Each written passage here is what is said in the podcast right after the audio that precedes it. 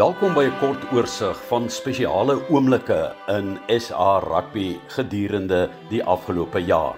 Omdat die seisoene oorvleuel en die kodes oorvleuel, konsentreer ons op senior SA rugby en die 15 kode. 'n Goue oomblik vir SA rugby breek op 18 Junie 2022 aan, toe twee Suid-Afrikaanse spanne in die Verenigde Rugby Kampioenskapsreeks aantree. 'n Koue nat aand het die speelveld gelyk gemaak en met twee massiewe agtalle in aksie het die Stormers na 'n regruk tweede helfte die Bulls met 18-13 geklop. Harold Foster het vroeg in die eerste helfte gaan druk met Chris Smith wat verdoel het vir 'n Bull voorsprong van 7-0. Mani Libbok het die Stormers se eerste strafskop met die aanbreek van rustyd behaal 7-3. In die tweede helfte druk die agste man Evan Roos twee keer en plaasvervanger haker Andre Hugo Venter eenmal terwyl Chris Smit met twee strafdoele vir die Bulls geslaag het. Die eindtelling 18-13 vir die Stormers met geen noordelike halfrondspanne in die prentjie nie. Karibeker rugby Die Pumas van Mpumalanga het teen alle verwagtinge Suid-Afrika se oudste kompetisie op provinsiale vlak, die Karibeker kompetisie wat sedert 1892 so genoem word, teen die Griquas van Kimberley in die Diamantstad op 25 Junie 2022 met 26-19 gewen. In die voorafgaande halfeindstryde het Griquas die 2020 en 2021 Karibeker kampioene die Blou Bulle op Loftus met 30-19 geskok, terwyl die Pumas in Bloemfontein met 38-35 deurgeskuur het met 2-3 in die doodsnikke van die wedstryd in die ongelooflike skouspelagtige wedstryd. Devon Williams, Willie Engelbreg die kaptein en Edouan Swart het elke 3 gedruk in die finaal teen Griquas terwyl um, Eddie Fouché se bydrae 11 punte met die skoen behels het. Die Laagvelder se afrigter Jimmy Stonehouse het hierdie oorwinning in Kimberley terdee geniet en verdien. So vinnig in die Premier vroue afdeling het Grens die WP in 'n wedstryd op 11 Junie met 1916 by die Hamiltons Rugby Club in Kaapstad getroof vir jaar ag spanne wat al begin deelneem met aan die kompetisie en Mali, Ngwefu en Plaatjies het elke 3 gaan druk terwyl Eloise Webb met twee verdoelings geslaag het wat die grens dan die 1916 oorwinning oor die Weselike provinsie laat proe.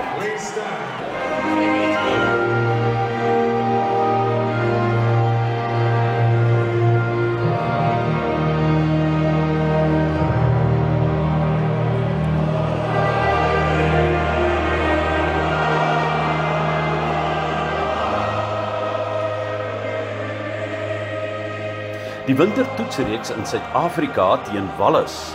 Suid-Afrika wen die reeks 2-1 nadat die Bokke met 32-29 op 2 Julie op Loftus net net die knoop deurgehak het met drie drukkers, Bongi Mbanambi, Cheslin Colby en Malcolm Marx. Damian Willemse slaag met 'n strafdoel en verdoel 2-3 terwyl Elton Jantjies ook 'n strafdoel behaal. Op 9 Julie in Bloemfontein slaan die Rooi Drake terug met 'n 13-12 oorwinning. Al 12 Suid-Afrika se punte kom met strafskoppe van Andre Pollard, terwyl Josh Adams vir Wallis gaan druk, Anscombe vir doel en met 'n strafskop geslaag het, asook Dan Bigger met 'n strafskop. Die eksperimentele Springbokspan het die bokondersteuners omgekrap gelaat na die toets. Maar op 16 Julie, die volgende naweek, beklink die bokke die reeks 30-14 in Kaapstad toe Bongie in sy 50ste toetswedstryd Sia en Pollard gaan druk het. Pollard verdoel al drie die drie en slaag ook met drie strafdoele. Suid-Afrika wen die reeks op Erfenisdag met 2-1 teen Wallis met Eben Etzebeth wat ook so terloops in sy 100ste toetswedstryd in Kaapstad uitgedraf het.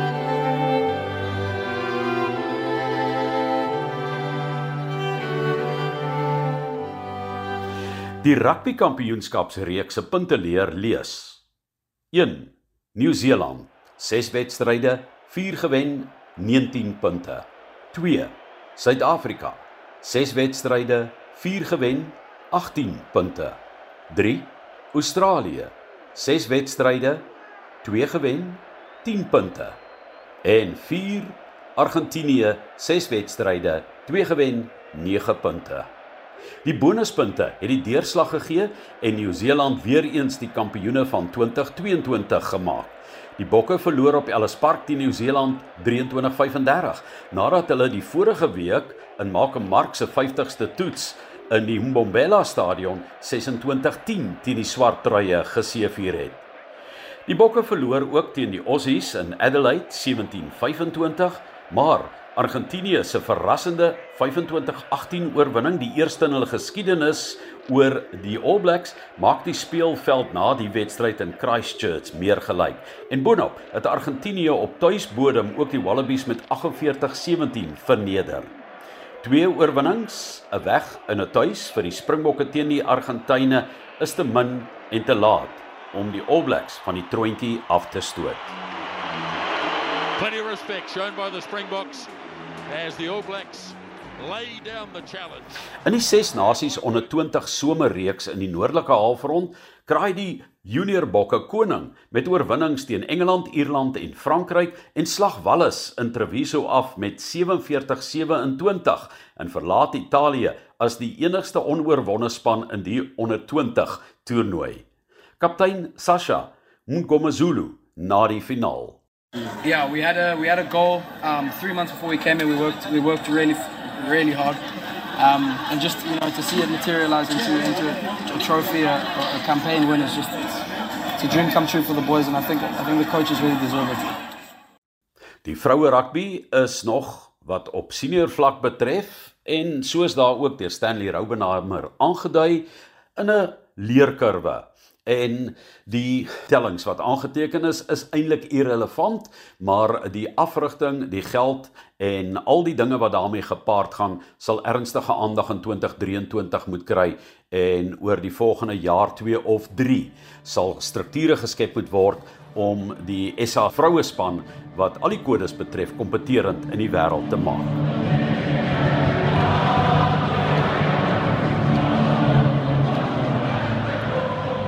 Die jaar eind klassieke toer van die Bokke was in die verlede altyd 'n grand finale van die Suid-Afrikaanse rugby seisoen.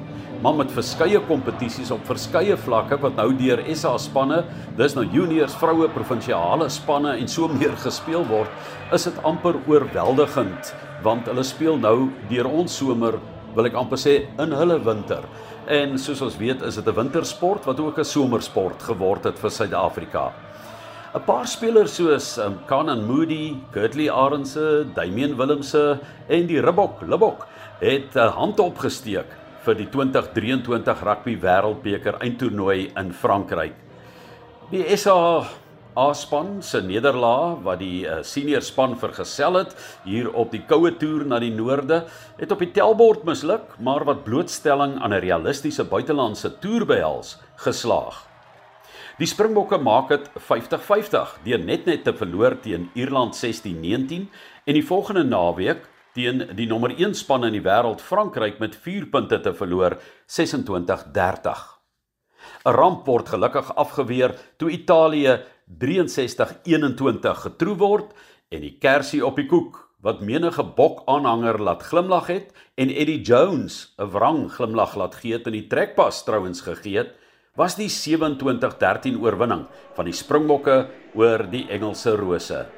Twee wêreldklas spelers, die nuutgevonde Kurtley Arendse en veteraan Eben Etzebeth, druk vir Suid-Afrika met 3 strafdoele deur Faf de Klerk wat ook 'n 3 verdoel het en twee verrassende skepskoppe deur Damian Willemse. SA is op die voorvoet met die 2023 Rugby Wêreldbeker wat wing.